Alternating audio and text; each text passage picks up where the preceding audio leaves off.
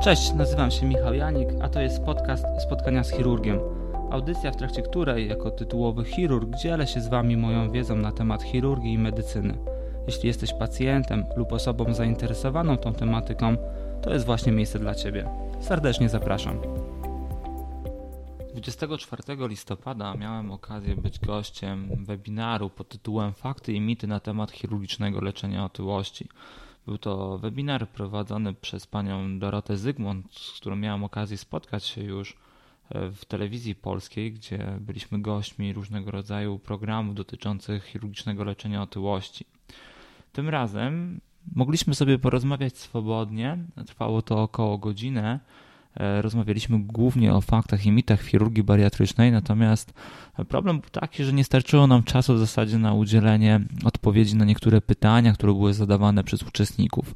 Dlatego umówiłem się z panią Dorotą, że e, te pytania otrzymam i w formie podcastu nagram odpowiedzi i dzisiaj właśnie tego będzie dotyczył odcinek. Słuchajcie, pierwsze pytanie, które zostało zadane przez uczestników tamtego webinaru, dotyczyło kolejnej sprawy. Pacjentka pyta: Mam sztuczne biodro, ma, przez co mało się ruszam, mam insulinooporność, to utrudnia mi schudnięcie. Boję się, że nie uda schudnąć mi się tyle po konsultacji z dietetykiem, czy jest może jakiś inny sposób. Jeśli chodzi o utratę masy ciała przed operacją, bo to w zasadzie jest przedmiotem tego pytania, to generalnie my jako lekarze mamy świadomość, że pacjenci, którzy mają ograniczenia ruchowe, mogą mieć problemy z aktywizacją. Natomiast ja osobiście w swojej praktyce stosuję takie podejście wielodyscyplinarne do pacjenta, polegające na tym, że pacjent powinien y, przed operacją wejść we współpracę zarówno z dietetykiem, z psychologiem, ale również w sytuacjach, kiedy widzę, że jest to niezbędne, to także i z fizjoterapeutą. I właśnie pacjentka, która zadawała pytanie z ograniczeniem ruchomości w biodrze, gdzie to wpływało na zakres, jaki może wykonywać aktywność fizyczną, jest doskonałym przykładem takiej sytuacji, dlatego że u takiej pacjentki kontakt z profesjonalnym fizjoterapeutą zajmującym się pacjentami bariatrycznymi jest w stanie jej bardzo dużo pomóc, ponieważ taki fizjoterapeuta jest w stanie zaktywizować pacjentkę w zakresie adekwatnym dla niej. I to jest pierwsza odpowiedź na moje pytanie. Jest jeszcze druga część od tej odpowiedzi. Otóż w chwili obecnej coraz częściej w przygotowaniach do operacji bariatrycznej stosuje się farmakoterapię. Są to leki, analogi GLP, semaglutyd, liraglutyd, które dostępne są w Polsce. Są to bardzo dobre leki stosowane w leczeniu otyłości. Co prawda ich efektywność jest ograniczona, natomiast w takich sytuacjach jak przygotowanie do operacji bariatrycznej coraz częściej bywają one stosowane z sukcesem. Jest to też jakaś opcja, którą można rozważyć. Na pewno jest to jednak temat, który trzeba dokładnie omówić ze swoim lekarzem w trakcie konsultacji. Drugie pytanie dotyczyło tego, ile dni jest się w szpitalu. W trakcie webinaru ja opowiadałem, jak wygląda taka ścieżka, że pacjent jest y, przyjmowany do operacji. Następnego dnia najczęściej ta operacja się odbywa. W niektórych ośrodkach może się ona odbyć nawet w dniu przyjęcia. Natomiast Okres pooperacyjny najczęściej jest takim krótkim okresem pooperacyjnym. W większości ośrodków spotkacie się z tym, że następnego dnia po operacji, jeśli będziecie spełniać pewne kryteria, które umożliwiają podjęcie takiej decyzji, to możecie nawet zostać wypisani. Myślę, że większość e, miejsc, w których wykonuje się te operacje, to w zasadzie obserwuje swoich pacjentów maksymalnie dobę po operacji. Jeśli nie ma żadnych problemów, to w zasadzie wypuszcza swoich pacjentów w następnym dniu po operacji. Tak jak Wam powiedziałem, to może się różnić nieco od ośrodku, w zależności od tego, jak jest zorganizowana opieka pooperacyjna nad pacjentem bariatrycznym w tych szpitalach. Natomiast najczęściej ten pobyt w szpitalu jest krótki, jest to około 2, 3, maksymalnie 4 dni. Kolejne pytanie, które zostało zadane przez pacjentkę. E, jest to pytanie, które dotyczy korzyści po operacji dotyczących redukcji masy ciała, w zależności od tego, czy jest się pod opieką dietetyka i psychologa. Pacjentka napisała, że jest w trakcie kwalifikacji i im dłużej współpracuje z psychoterapeutą, to tym częściej się nad tym zastanawia. Domyślam się, że pacjentka, która zadała to pytanie, zastanawiała się, czy psychoterapia w zasadzie jej coś daje. Jeśli ma takie poczucie już przed operacją, że ta współpraca z psychologiem nie przynosi korzyści, no to wówczas warto byłoby się zastanowić nad tym, czy po prostu e, udało jej się nawiązać dobrą więź z psychologiem i krótko mówiąc, czy jest między nimi taka terapeutyczna chemia, która umożliwia prowadzenie tej współpracy. Dlatego, że wyobrażam sobie, iż współpraca z psychologiem w jakimś charakterze wymaga właśnie nawiązania odpowiedniej relacji pomiędzy psychologiem i pacjentem, czasami może być to trudne. W, takiej, w takich przypadkach osobiście zastanowiłbym się nad ewentualnie zmianą psychologa. Natomiast generalnie czemu ma służyć w ogóle opieka dietetyka, psychologa i fizjoterapeuty? Wielokrotnie powtarzam moim pacjentom, Państwu, że otyłość w duży, zależy Oczywiście od genetyki, natomiast w dużej mierze zależy od stylu życia i od naszego środowiska, w którym egzystujemy. E, jest taka koncepcja Paula Londa, które tłumaczą, e, co tak na dobrą sprawę wpływa na nasz stan zdrowia i ponad 50% to są w zasadzie kwestie dotyczące e, stylu życia. I po to jest potrzebny Państwu dietetyk przed operacją, po operacji, po to jest Wam potrzebny psycholog, psychoterapeuta i fizjoterapeuta, żeby zaadresować zmiany stylu życia, żeby generalnie wprowadzić i zmodyfikować swój styl życia w sposób istotny. Problem polega na tym, że to, jak wygląda styl życia, zależy od wielu różnych czynników. Czasami bardzo często jest też tak, że e, różnego rodzaju sytuacje, które generują ogromny stres, powodują to, że uciekamy się w stronę jedzenia. Istnieją różne zaburzenia które są powiązane z obniżeniem nastroju, które są powiązane z problemami takimi dotyczącymi psychę, w których to rozwiązaniu psycholog jest w stanie pomóc. Osobiście. Spotkałem się wśród moich pacjentów często z taką pewną niechęcią do współpracy z psychoterapeutą, natomiast bywało, że ci pacjenci, którzy na początku byli niechętni, potrafili 6 miesięcy po operacji wrócić do mnie i powiedzieć mi, że oni są ze wszystkiego zadowoleni, ale najbardziej ze współpracy z panią psycholog, ponieważ ona otworzyła im oczy na wiele spraw i przede wszystkim ułatwiła im wprowadzenie takich trwałych zmian stylu życia, które chronią ich przed powrotem do otyłości. Teraz chciałbym przeczytać Wam kolejne pytanie, czy po zabiegu da się radę samemu funkcjonować? Jak jest się z endoprotezą biodra? Czy muszę prosić sąsiadów o pomoc? A co jeśli jestem sama? Dotyczy to w zasadzie osoby, która, jak rozumiem, ma już jakieś ograniczenia dotyczące ruchomości. Więc jak wygląda to wszystko po zabiegu? Generalnie po zabiegu jest tak, że pacjent powinien móc wrócić do takiej aktywności, jaką wykonywał dotychczas. Jeśli pacjentka, która ma endoprotezę biodra, dotychczas poruszała się e, przy asyście powiedzmy kul, czy chodziła e, samodzielnie, ale w ograniczonym zakresie, to po zabiegu również powinna móc tak naprawdę się poruszać. Nie ma w zasadzie powodu, który by miał spowodować, że ona nagle nie będzie mogła wstać z łóżka, że nagle nie będzie e, mogła chodzić. Tak naprawdę mówiłem o tym w jednym z odcinków, że bardzo ważne jest to, żeby bezpośrednio pacjent po operacji uruchomił się. Najpierw usiadł na łóżku, spuścił nogi, później wstał obok łóżka, poszedł do toalety, a następnie spacerował po pokoju. Wspominałem też o tym, że będąc w różnych ośrodkach na świecie, wielokrotnie widywałem takie sytuacje, gdzie pacjenci w dniu operacji byli już uruchamiani. To coraz częściej jest też stosowane w Polsce. Sam również w szpitalach, gdzie pracuję, staram się taki zwyczaj wprowadzać. Także wniosek i odpowiedź na to pytanie jest jedna. Sama operacja nie powinna wprowadzić do ograniczenia aktywności ruchowej, w zasadzie powinna umożliwić powrót do tej aktywności w czasie bardzo szybkim, to znaczy, że jeśli my wypisujemy pacjenta, to wypisujemy go już w takim stanie, który umożliwia mu samodzielną egzystencję. Kolejne pytanie dotyczyło, a w zasadzie było takim komentarzem.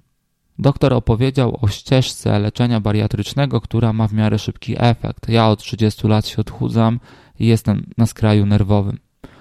Jest to typowy komentarz pacjentki, która uważam, że potrzebuje konsultacji z chirurgiem bariatrycznym.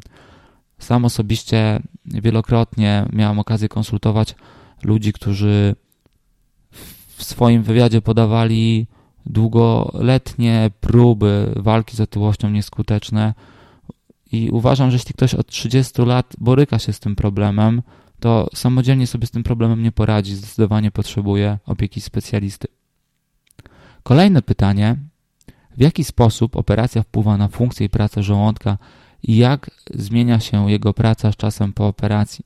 To jest bardzo ważne pytanie, ponieważ te kwestie są bardzo istotne. Otóż zdecydowanie funkcja żołądka zmienia się. To już nie chodzi tylko i wyłącznie o to, że zmieniamy jego pojemność w przypadku różnych typów operacji, natomiast e, my również możemy wpływać na to, jak on pracuje.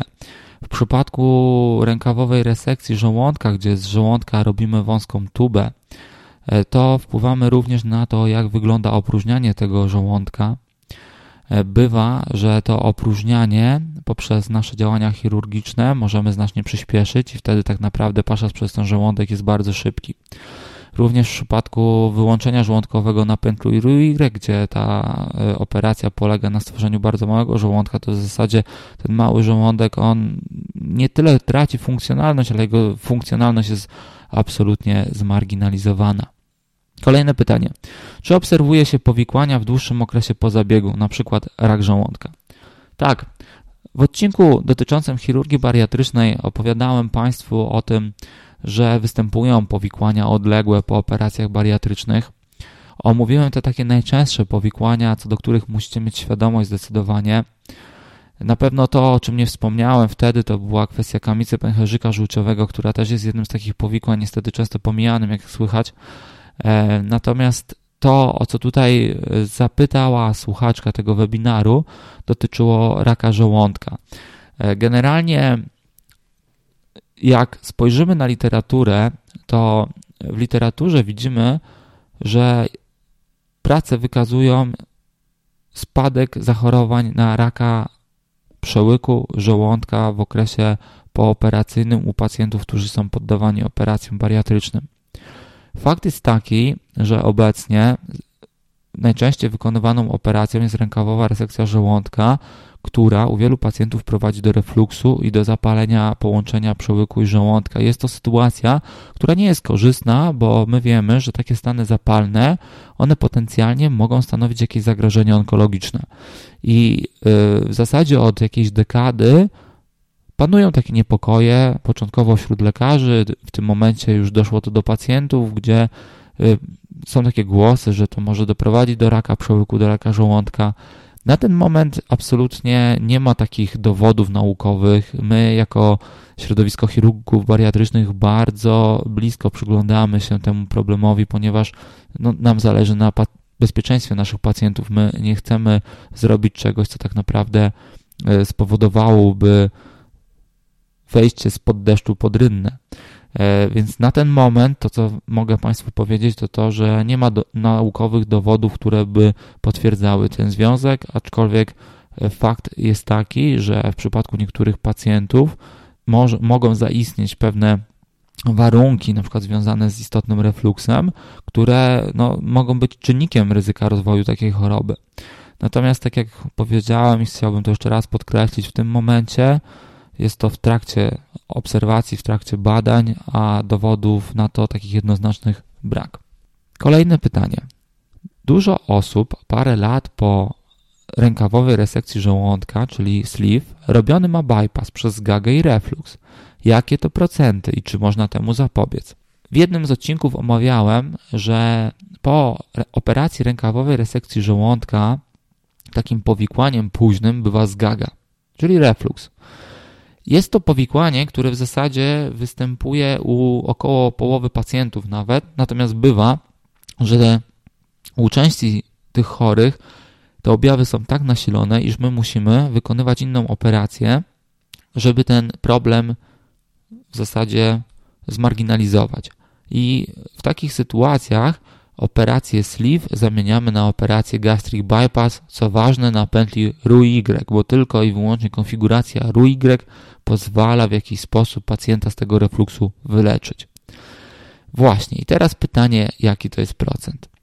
I tutaj chciałbym się posiłkować takim badaniem, które opublikowane było dwa lata temu, które pokazywało, co się dzieje z pacjentami po operacji rękawowej resekcji żołądka, czyli sleeve, przez obserwację dziesięcioletnią. Co się z nimi wydarzyło po 10 latach od operacji? Tak jak sobie wstecznie spojrzeli badacze. Okazało się, że 25% osób było operowanych właśnie z powodu refluksu. Czyli jak widzicie, 1 czwarta pacjentów nawet wymagała jakiejś interwencji, dlatego że ten refluks był tak silny.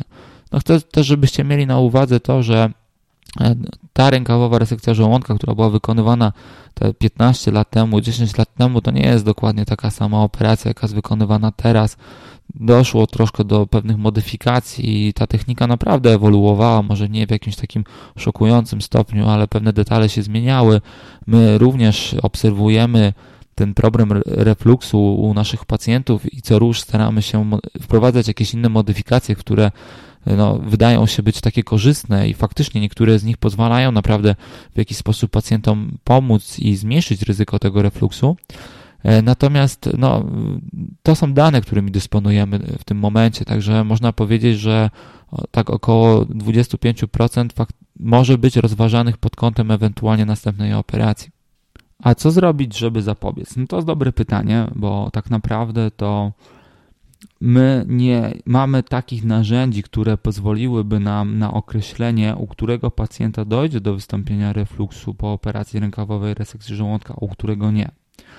Oczywiście y, możemy w przebiegu takiej diagnostyki przedoperacyjnej podejrzewać, że u pacjentów, u których już są jakieś takie zmiany istotne w zakresie połączenia przełyku i żołądka, stany zapalne, albo już jest de facto ciężko występujący refluks, ciężki refluks, no to wówczas po takiej operacji rękowej resekcji żołądka prawdopodobnie dojdzie do jego nasilenia i tego się możemy spodziewać.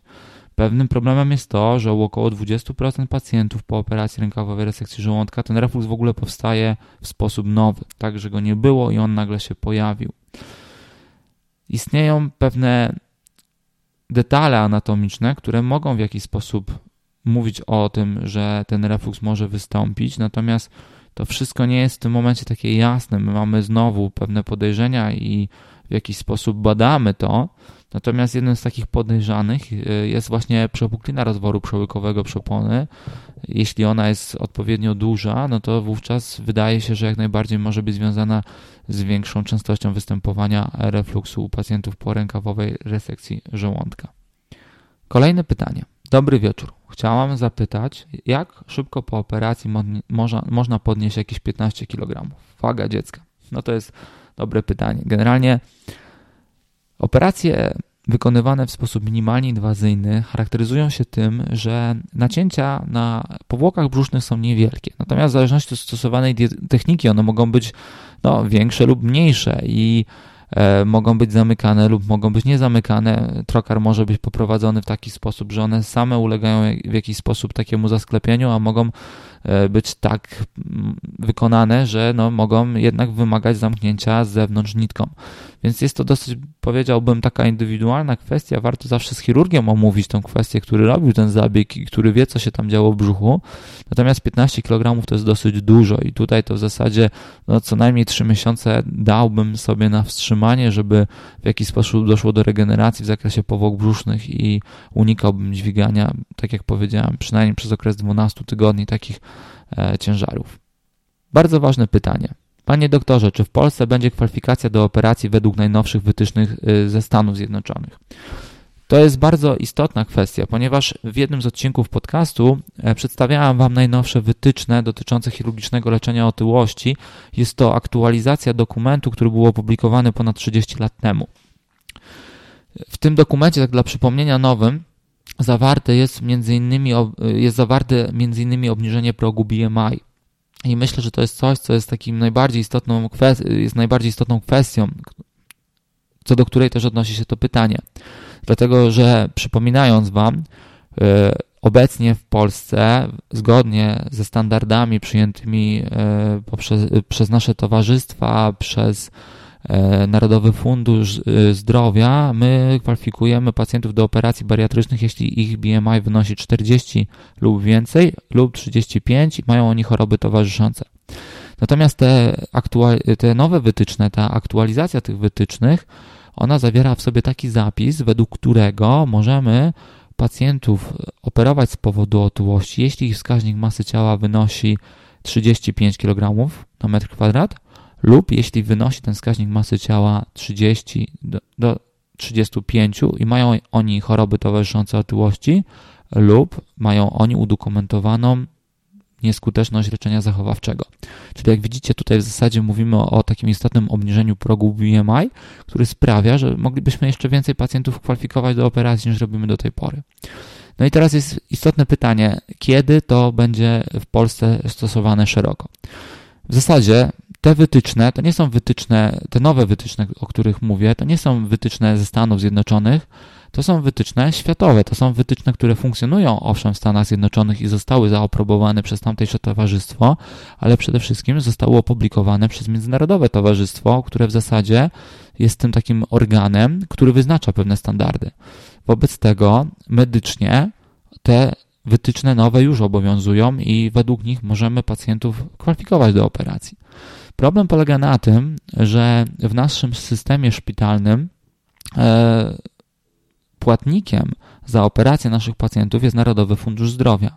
I zgodnie z aktualnymi dokumentami, Narodowy Fundusz Zdrowia płaci za operacje bariatryczne tych pacjentów, którzy spełnili kryteria zawarte w opublikowane przez Narodowy Fundusz Zdrowia, które są oparte niestety na tych starych wytycznych. Wobec tego aktualnie tylko w sytuacji, kiedy Narodowy Fundusz Zdrowia zaktualizuje dokument dotyczący chirurgii bariatrycznej i obniży te progi wejścia w zależności od wskaźnika BMI, to będzie możliwe, żeby wykonywać takie operacje właśnie w ramach tych publicznych szpitali. W tym momencie my możemy tych pacjentów kwalifikować, natomiast no niestety, ale pewnie zostanie to e, dome, pewnie będzie to domeną głównie szpitali komercyjnych. A dlaczego tak jest? No jest tak dlatego, że jeśli będziemy operowali pacjentów poza tymi wskazaniami zaakceptowanymi przez Narodowy Fundusz Zdrowia, to może dojść do sytuacji, kiedy my na przykład zrobimy ileś tych operacji i Narodowy Fundusz Zdrowia odmówi zapłacenia za te operacje, co wpędzi szpital w duże problemy finansowe, no i niestety e, na nas skumuluje się gniew dyrektorów. Także no, myślę, że jeszcze musimy poczekać troszeczkę, aż ten nowy dokument w jakiś sposób zostanie przetrawiony przez decydentów. Wierzę jednak, że to się szybko zadzieje i że e, może w przeciągu roku dojdzie do takich istotnych zmian, które umożliwią nam takie szerokie stosowanie tych nowych aktualnych wytycznych w Polsce. I dochodzimy powoli do ostatniego pytania. Jak ze stałymi lekami, które trzeba przyjmować, czy po resekcji żołądka działa to inaczej? Bardzo dobre pytania. Wszystkie i to ostatnie w zasadzie jest wisienką na torcie. Generalnie jest to bardzo trudny temat, dlatego że pacjenci przyjmują leki z różnych powodów. Te choroby przewlekłe, z którymi się zgłaszają nasi chorzy, to naprawdę bywają różnego rodzaju, zaczynając od chorób sercowo-naczyniowych, takich nadciśnienie, choroba wieńcowa, poprzez cukrzycę i tak. I każdy z tych leków, który pacjent stosuje, on ma troszeczkę inną farmakokinetykę. To znaczy, że na przykład w innym miejscu w przewodzie pokarmowym się wchłania, ma inną biodostępność, Krótko mówiąc, jego charakterystyka jest specyficzna dla niego. I może być tak, że jeden lek będzie się wchłaniał tak, jak się wchłaniał do tej pory, nie będzie konieczności żadnej modyfikacji. A może być tak, że po operacji bariatrycznej akurat ten określony lek nie będzie już się wchłaniał tak jak wcześniej, co się przełoży absolutnie na jego działanie. Też trzeba pamiętać o tym, że po operacji bariatrycznej, jak spada nam ilość tkanki tłuszczowej, no to też w jakiś sposób może to wpływać na efekt kumulacji leków i działanie leku już w określonym miejscu. Także generalnie zasada jest taka, że trzeba z lekarzem omówić to, jakie leki się bierze, i polecam w ogóle za każdym razem, kiedy idzie się na konsultację lekarską, wypisanie na karteczce ładnie, czytelnie leków, które pacjent zażywa. I punkt po punkcie trzeba omówić, które z tych leków ewentualnie trzeba przed operacją odstawić, a które z tych leków po operacji e, należy brać ponownie. E, w przypadku niektórych leków, tak naprawdę, w przypadku większości leków w zasadzie stosowanych przewlekle, po operacji powraca się do ich ponownego stosowania, natomiast no, wymaga to jakiejś obserwacji. Niejednokrotnie wymaga to również konsultacji tych lekarzy, którzy włączyli to leczenie, ponieważ bywa tak, jak Wam powiedziałem, pacjenci potrafią mieć różnorodne inne choroby i stosują naprawdę szeroką gamę leków i czasami są to nowoczesne leki, są to czasami leki takie, o których my na przykład chirurdzy bariatryczni wiemy niewiele, więc to też nie jest tak, że my mamy tą wiedzę co, dotyczącą każdego leku. Tak naprawdę osoba, która leczy Państwa danym lekiem, ona najczęściej będzie najlepiej wiedziała, na ile ten lek, powiedzmy, wchłania się w żołądku, a na ile w jelitach, czy on jest dostępny w takiej formie, czy on można go rozkruszyć, czy go nie można rozkruszyć i w zasadzie najlepiej właśnie z lekarzem, który się zajmuje tą określoną chorobą, na którą jest ten lek, to wtedy to jest ta osoba, z którą taką rozmowę jest najkorzystniej odbyć. Także krótko mówiąc, jak najbardziej jest prawdą, że po operacjach bariatrycznych może dojść do zmiany w funkcji, tak jakby w przyswajaniu, a później funkcjonowaniu leku i mm, bardzo często jest tak, że wymaga to w jakiś sposób y, modyfikacji. I to by było na tyle, jeśli chodzi o omówienie pytań zadanych podczas webinaru. Chciałbym Wam serdecznie podziękować za poświęcony czas. Życzę miłego dnia.